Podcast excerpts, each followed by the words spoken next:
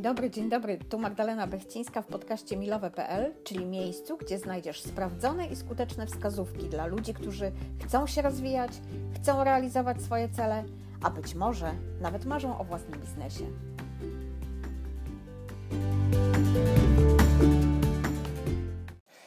To, z czym ostatnio się najczęściej spotykam, to jest e, zmiana.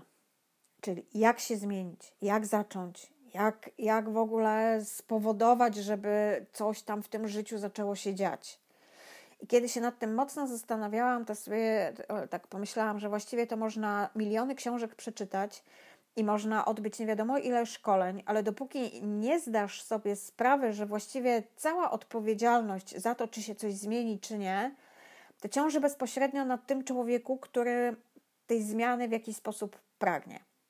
I trzeba się w jakiś sposób zaprogramować, tak? Samemu się uwarunkować. Można myśleć o tym, że chcę schudnąć, że chcę rzucić palenie, że chcę mieć dobrą pracę, ale dopóki nie weźmie się za to tej właśnie odpowiedzialności, to tak naprawdę cały czas się jest w tym samym miejscu.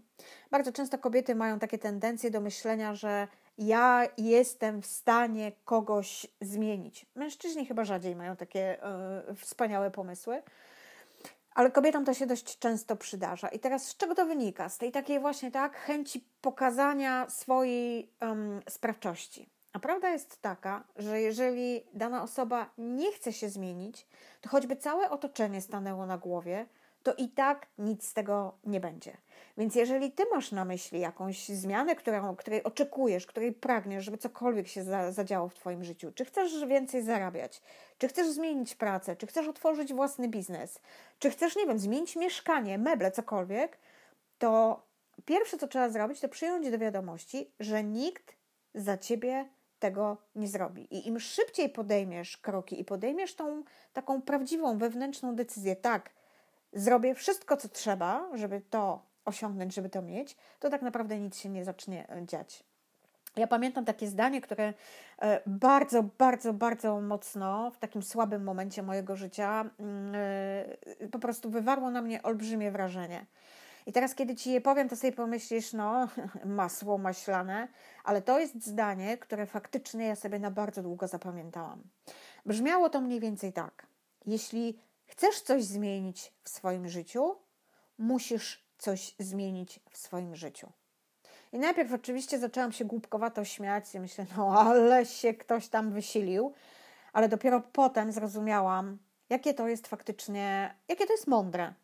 Bo nic się nie zmieni, jeżeli sami nie zaczniemy tego zmieniać.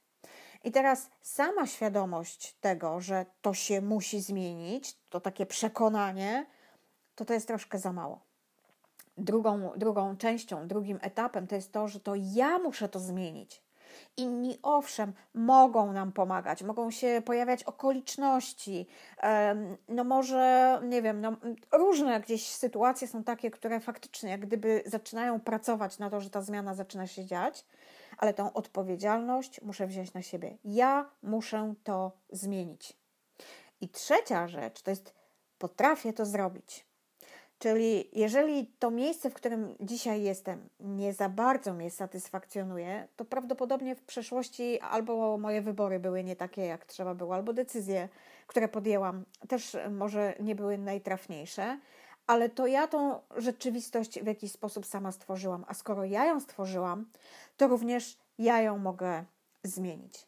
I to jest chyba najfajniejsze, to jest właśnie ta siła sprawcza i bez względu na to, w jakiej sytuacji jesteś dziś, jeżeli sobie tylko pomyślisz, że tak naprawdę to od ciebie zależy, gdzie będziesz za rok, to możesz przejąć kontrolę nad tym, co robisz i faktycznie świadomie już dążyć do tego w tym kierunku, który najbardziej ci odpowiada.